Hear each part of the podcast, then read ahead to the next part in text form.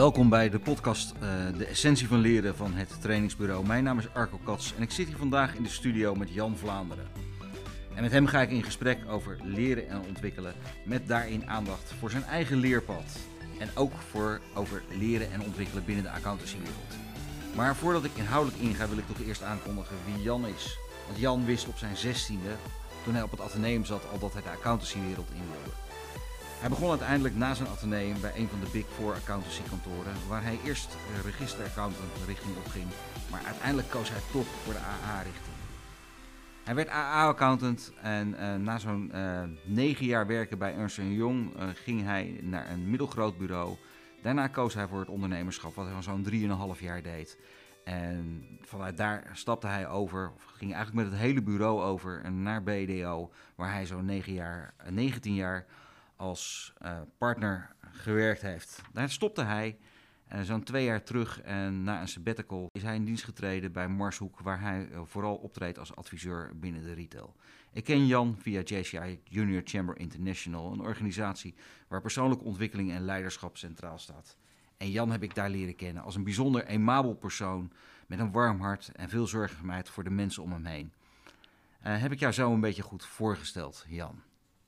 Ja, ja dat doe je heel netjes, eh, Arco. Dus eh, met name nog even, even de lijn richting JCI. Dus Ja. eh, ik vind het zelf nog altijd heel jammer dat ik dat maar vier jaar heb me- mogen meemaken. Jij wat Ja. langer. Ja. Maar ik heb die vier jaar wel uitgenut. En het, het hield ook niet op na mijn veertigste. Nee, hè? Dat, is, dat is een club als je daar eenmaal een klein beetje mee besmet bent. Ja, voor degenen die JCI niet kennen, JCI is een van de, een wereldwijde organisatie voor eh, mensen tot 40 jaar. En dan word je eruit gebonjourd. En dat is op zich een hele goede zaak, want het gaat erom om, om leiderschap eh, te leren binnen die organisatie, maar ook een netwerk op te bouwen, allerlei dingen te organiseren voor de community. En ik heb het altijd ervaren als een, een club van bevlogen mensen eh, die gezellig zijn, maar die ook de wereld een klein beetje mooier willen maken. En ook barsten van de ambitie, maar dat wel op een, op een manier die, ja, wat mij betreft, altijd met de menselijke maat hoog in het vaandel. Ik weet niet hoe jij dat gezien hebt. Ja, wat ik ook heel belangrijk eh, vond eh, bij JCI is dat eh, out of je comfortzone doen en denken. Ja, En dat heeft, daar heb ik heel veel van geleerd. mooi. Van de treed eens even uit je paarden wat je gewend was. Ja, want wat, wat, wat, wat- hoe ben jij daar bijvoorbeeld uit je comfortzone ges- gestapt? Nou, dat was met name het bestuursjaar. Dus eh, het 40-jarig bestaan van JCI Utrecht, eh, waar je echt eh, volle bak even erin moest om die projecten te leiden, om, om het in goede banen te krijgen. En dat project rondom de Domtoren was toch wel een hoogtepunt. En, wat, wat, wat heb je daar gedaan dan? Nou, ik werd uiteraard natuurlijk gevraagd om, om het hele financiële performance te doen, maar eh, dat was het niet alleen. Hè? Dus het was ook eh, zorgen dat je met, met het eh, kernbestuur zorgde dat al die projecten die daar eh, voor bedacht waren, met name door de, door de zeer enthousiaste voorzitter in die tijd. En daar trok ik wel heel, heel nauw mee samen mee op. Maar om te zorgen dat al die projecten in een jaar tijd, hè, want je hebt een jaar tijd als bestuur om te zorgen dat het slaagt. Ja. Dat, eh, en dat het dan ook nog lukt En- met een eindfeest in de Domtoren. Ja, dat was wel erg top. En het was een eindfeest in de Domtoren. En wat, wat is daar nog meer gebeurd dan, zeg maar? Want er is, is ook iets gebeurd voor de Dom, toch?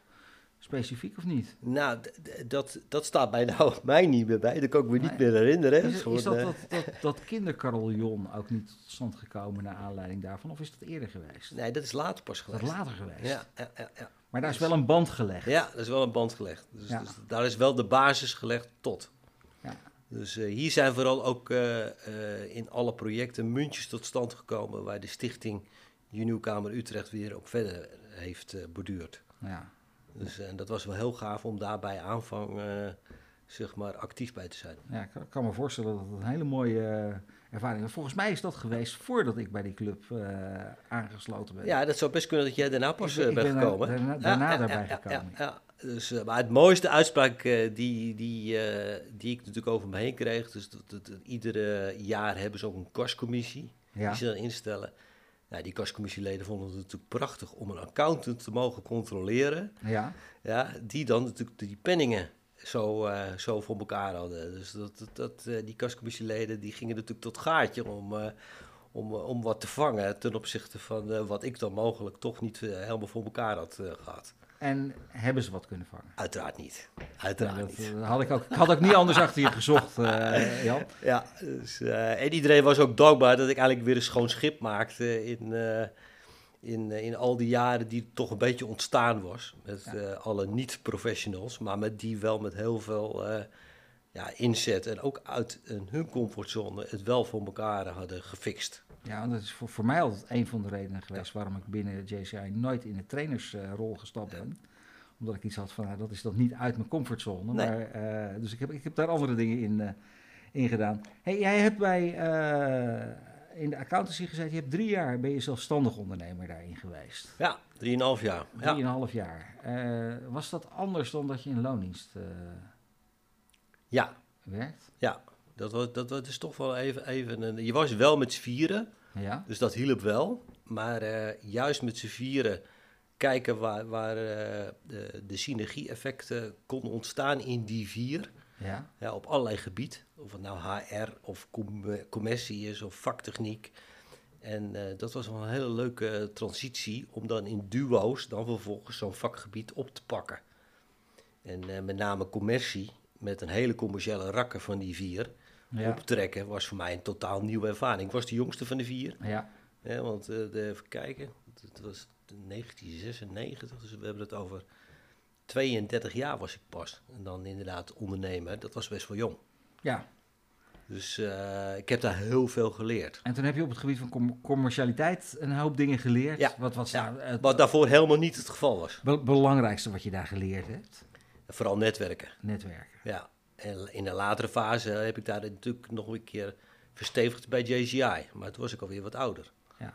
Dus eh, dat, dat was voor mij de, de kennismaking met commercie. Wat daarvoor, moet je nagaan, dan was je 32. Ja. Ja, dus dan was- had je al 14 jaar achter de rug. Maar dat, dat, dat kwam eigenlijk niet voor in je vakgebied. Nee. Ik kan me voorstellen dat je, dat je vanuit de rol eh, met je hoofd in de cijfers, Ja. zeg ik maar even, Ja, dat is zeker die eerste 10 jaar. dat, dat dan zeg maar die, die hele commerciële wereld, eh, de netwerkwereld en, en wat betekent dat nou eigenlijk om daarin in op te trekken, dat dat een, eh, eh, een hoop buiten je comfortzone was. Ja, en vooral geduld heb ik daarbij geleerd. Ja. Ja, ik wilde te snel. Van ja, die klant moet toch gewoon klant worden? Ja. die prospect moet klant worden? ja. Nou, zo werkte het niet. Gewoon, jij dacht aan de optelsom 1 plus 1 is 2. Ja, En als we dan het antwoord weten, dan Dus, moeten we het ook eh, maar meteen opschrijven. Ja, maar dat, zo werkte het niet. Daar Nee, heb ik wel een heleboel van geleerd. Er komt een hoop sociologie ook, eh, Ja. ook bij kijken. Ja, Hey, en toen heb jij, ehm, eh, ben je opgegaan in een groter geheel. En Ja. dat is later weer opgegaan in... In, een nog groter geheel. In een nog groter geheel. Ja. Dat was opeens nummer 5 van Nederland. Ja, en daar heb jij 19 jaar Ja. als partner. Ja, 17 jaar partner en de laatste twee jaar een stapje terug gedaan. Ja. Ja. Wat heb je daar geleerd? Ja, toch heel veel eh, eh, zakelijkheid eh, toepassen in, in vorm in combinatie met, met je klantbediening, het, het adviestraject en, en het, het commercie nog meer uitnutten. Maar ook hoe ben ik een, een people manager geworden? Mhm. En dat had ik daarvoor toch denk ik wel veel minder. Dus, dus uiteindelijk zat dat in je en is die kracht vooral eh, boven, eh, boven water komen drijven. Van eh, de people manager Jan. Ja. Dus mensen voor je winnen die je ook een aantal jaren aan de organisatie kon binden, maar vooral Ja. aan je eigen team kon binden. Dat ze ook voor jou en, en voor de organisatie bleven, bleven werken. En wat doe je nou als leidinggevende om te zorgen dat je mensen zo echt daadwerkelijk aan je bindt? Ja, dat is toch wel eh, eh, eh, aandacht geven. Luisterend oor en aandacht geven. En dat ook vanuit een, een, een gemeende situatie. Hè? Dus dat, dat je geen toneel loopt te spelen. Ik bedoel, die ja, collega's heb ik ook ontmoet. Ja. Dus dat gebeurt best wel heel veel bij grotere organisaties. Maar dat, dat, dat, zeker de huidige generatie heeft dat heel snel door. Op het moment dat jij een eh, toneelspelletje loopt eh, op te voeren. Dus Mhm. als je het zelf echt ook eh, vol achter staat, dat je echt interesse in de persoon, in de nieuwe collega hebt, ja. en die ook kan winnen, ja, dan, dan creëer je ook heel veel loyale collega's. Ja, dat is een aantal jaren hartstikke goed gegaan. En toen ben je uh, zo'n zo jaar of twee geleden daar gestopt. En toen heb je een, een jaartje, een, laten we zeggen, een tussenjaar gehad. Ja, dan moet gewoon maar een sabbatical om te kijken van wat wil ik nog doen in de komende tijd. Ja, en wat ben je toen gaan doen in dat jaar? Nou, ik heb mijzelf een cadeautje gegeven. Ja. En dat is toch wel uh, zo'n uh, zo zo'n personal outplacement traject waarbij je met allemaal soortgenoten, die allemaal ook op behoorlijk niveau hebben gefunctioneerd, in aanraking komt en die dan uitgekeken zijn op hun werkgever, hun organisatie. Ja. En uh, ik moet heel erg zeggen dat dat ook wel weer een, uh, op een aantal vlakken een out of my comfortzone is geweest. Geef daar eens een voorbeeld van. Wat is dan out of je comfortzone? Ja, dat, dat, ik ben, het inmiddels natuurlijk alweer kwijt hoe dat heet. Maar als je op uh, bepaalde muziekjes jezelf moet inleven van, van wat voel je nou in je lichaam. Ja. Dan denk ik bij mezelf van, ja, dat hoort niet bij Jan, maar ik heb het wel geleerd. Ja. En dat je echt tot in je teden moet voelen van hoe zit je nou in elkaar. Ja. Nou, dat, dat zijn toch ook weer nieuwe ervaringen. En zeker als accountant en als adviseur, die je niet zo vaak tegenkomt. Maar, zo diep te gaan bij jezelf. Van uh, ga nou eens terug naar de basis. Ja. Van uh, wat wil je nu nog echt de komende pakweg zes tot acht jaar gaan doen? En dat, dat heeft jou daadwerkelijk geholpen om je, je koers te, te verleggen? Ja, uiteindelijk niet. Nee, want? Vertel. In eerste instantie wel. Ja. Want ik zat echt op de koers van, uh, ga mij nou maar even uit die commerciële wereld zetten. Ja. Dus uh, ik heb heel bewust het nog een kans gegeven om in een not-for-profit organisatie aan de slag te gaan. Ja. Ik heb natuurlijk ook ja, met, uh, met twee van onze maatjes hier daar intensief over gesproken. Ja.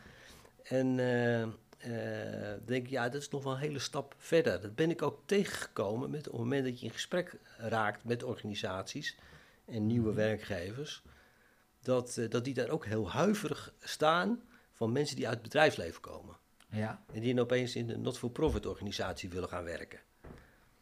Want je hebt dat serieus overwogen? Ik heb dat serieus overwogen. Ik heb het ook serieus een kans gegeven. Ja. Ja, en dan komt er iets voorbij.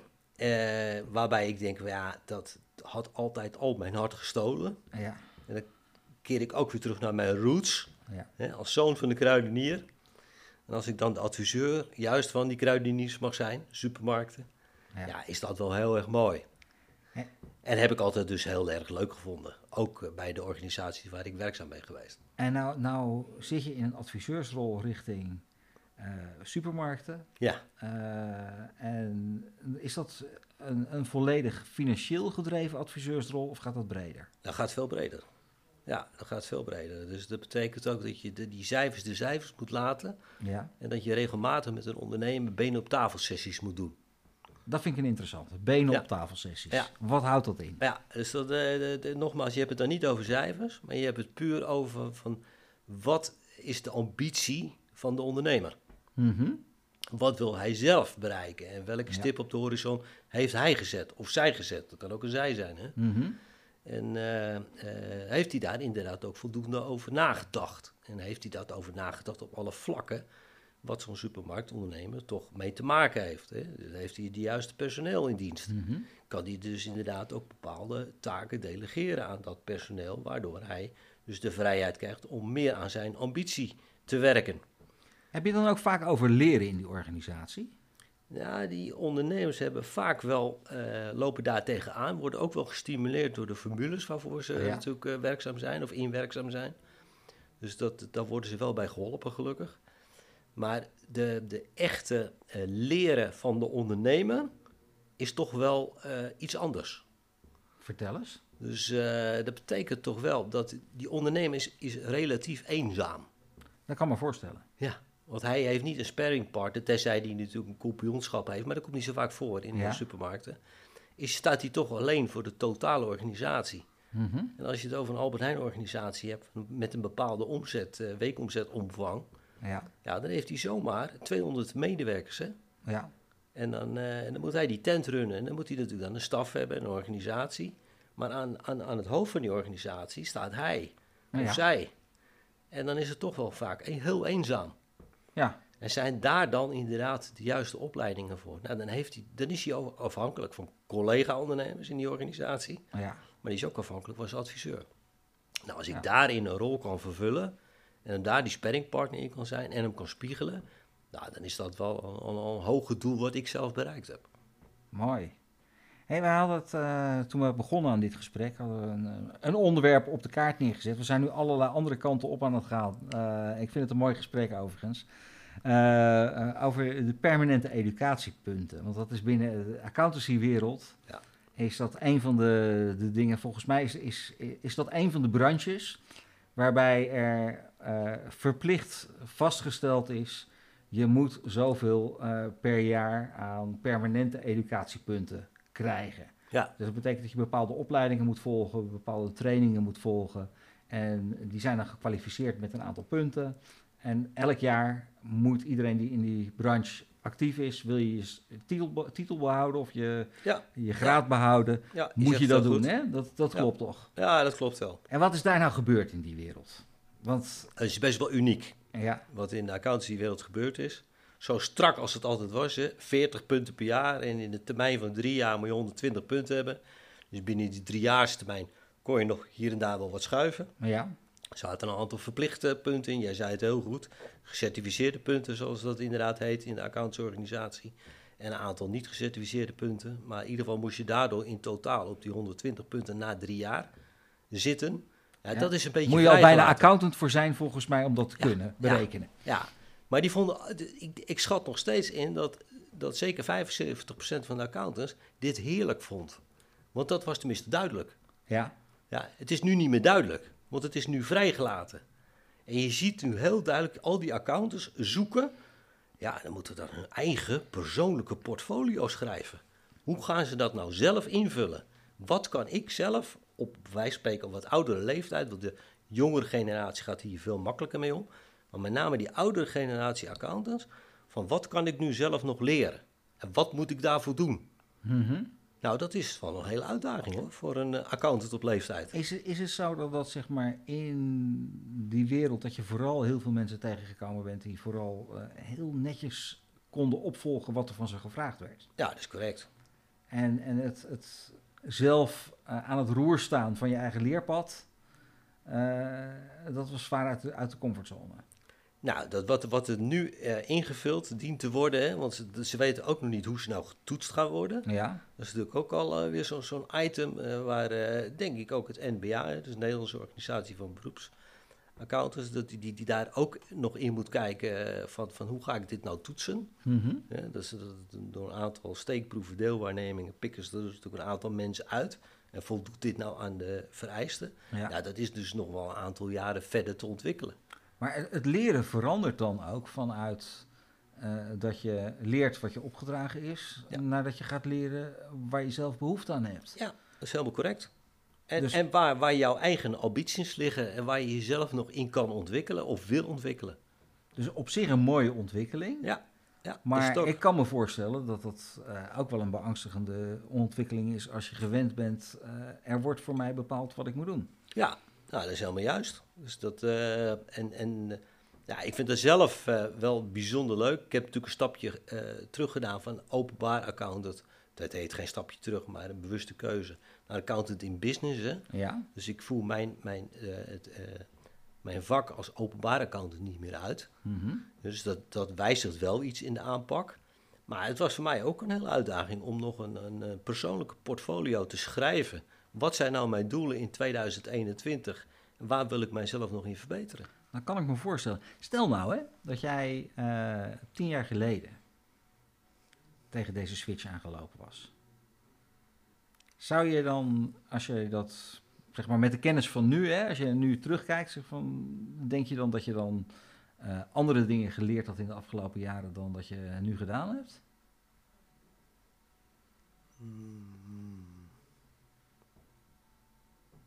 Nou, ik ben heel blij wat ik eh, mee heb mogen maken in die afgelopen tien jaar.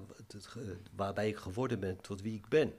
Ja. Dus ik ben daar eigenlijk wel zeer tevreden over. Ja, want ik, ik kan me voorstellen dat die dat, dat sabbatical periode, dat, dat, ook, dat er ook heel veel dingen voorbij gekomen zijn Ja, waar je op een heel ander niveau aan het leren bent. Ja, nou, dat is, dat is met name een bezinningsperiode van, van, van, van ook wel van, is dit het nou allemaal waard geweest? Mhm. Nou, dan kom je ook wel tot de conclusie dat, ja, het is het allemaal waard geweest en dat was ook een goede periode. Ja. Maar eh, dat, eh, ik wil dat nu nog wel even de laatste, doe gek, zes tot acht jaar eh, de kans geven om, om daar ook weer andere invulling aan te geven. Mensen die nu, zeg maar, zo'n beetje rond. ik ga toch even terug naar het moment dat jij als zelfstandig ondernemer even een tijdje rondgelopen hebt. Was je een jaar of 32, zei je. Mensen die nu rond de 32 zijn. eh, en die misschien staan voor de keuze van: ga ik mijn onderneming. eh, ga ik op in een groter geheel? Of eh, misschien wil ik voor mezelf beginnen? Of. of wat dan ook. Maar mensen met ambitie van die leeftijd. Wat is de, een van de belangrijkste dingen die jij ze mee zou willen geven op basis van ja, al jouw ervaringen van de afgelopen jaren? waarvan je zegt van nou, hou dat, dat altijd voor ogen. En het, het- het- het maakt niet uit wat, Maakt die, wat uit. die ondernemer gaat doen, hè? Maakt niet uit wat ze gaan doen, maakt niet uit welke keuzes ze maken. Eh, want eh, jij hebt op basis van, van jouw eigen keuzes een aantal dingen gedaan. Eh, je ontwikkelt een bepaalde kant uit. Ja. Wat zou jij mensen aanraden die, als je nu, zeg maar, pak een beetje en je, en je, teruggaat naar 32 jaar, waar moeten mensen op letten? Met name dat ze datgene eh, gaan doen eh, waar ze plezier in beleven. En wat, wat van, van eh, eigen, hun eigen hartstocht willen gaan doen. Dat is, daar heeft de meeste kans van slagen. Want dan komt die ambitie vanzelf bovendrijven om dat doel ook na te streven wat ze willen bereiken. Dus plezier en hartstocht volgen. Ik vind Ja. dit een hele mooie om, om deze podcast mee af te sluiten. En, eh, want ik denk dat dat namelijk een hele belangrijke is. Als je effect wil hebben met leren dat, eh, en effect wil hebben in je carrière, in je loopbaan. Dat eh, plezier een, een hele belangrijke factor is. Want ja, ik bedoel, je moet toch een, een behoorlijke hoeveelheid jaren in je leven werken. En laat je dan vooral maar bezig zijn met het, doen van dingen waar je ook echt blij van wordt. En waar je, als het goed is, ook andere mensen blij mee kan maken. Dankjewel Jan. Ja, graag gedaan Arco. Bedankt voor het gesprek. Ja, heel fijn. Dit was de podcast van eh, het trainingsbureau. Vandaag met eh, Jan Vlaanderen. eh, met een hele mooie quote als afsluiting. Doe vooral waar je plezier aan beleeft. Want dat is toch wel een hele belangrijke factor.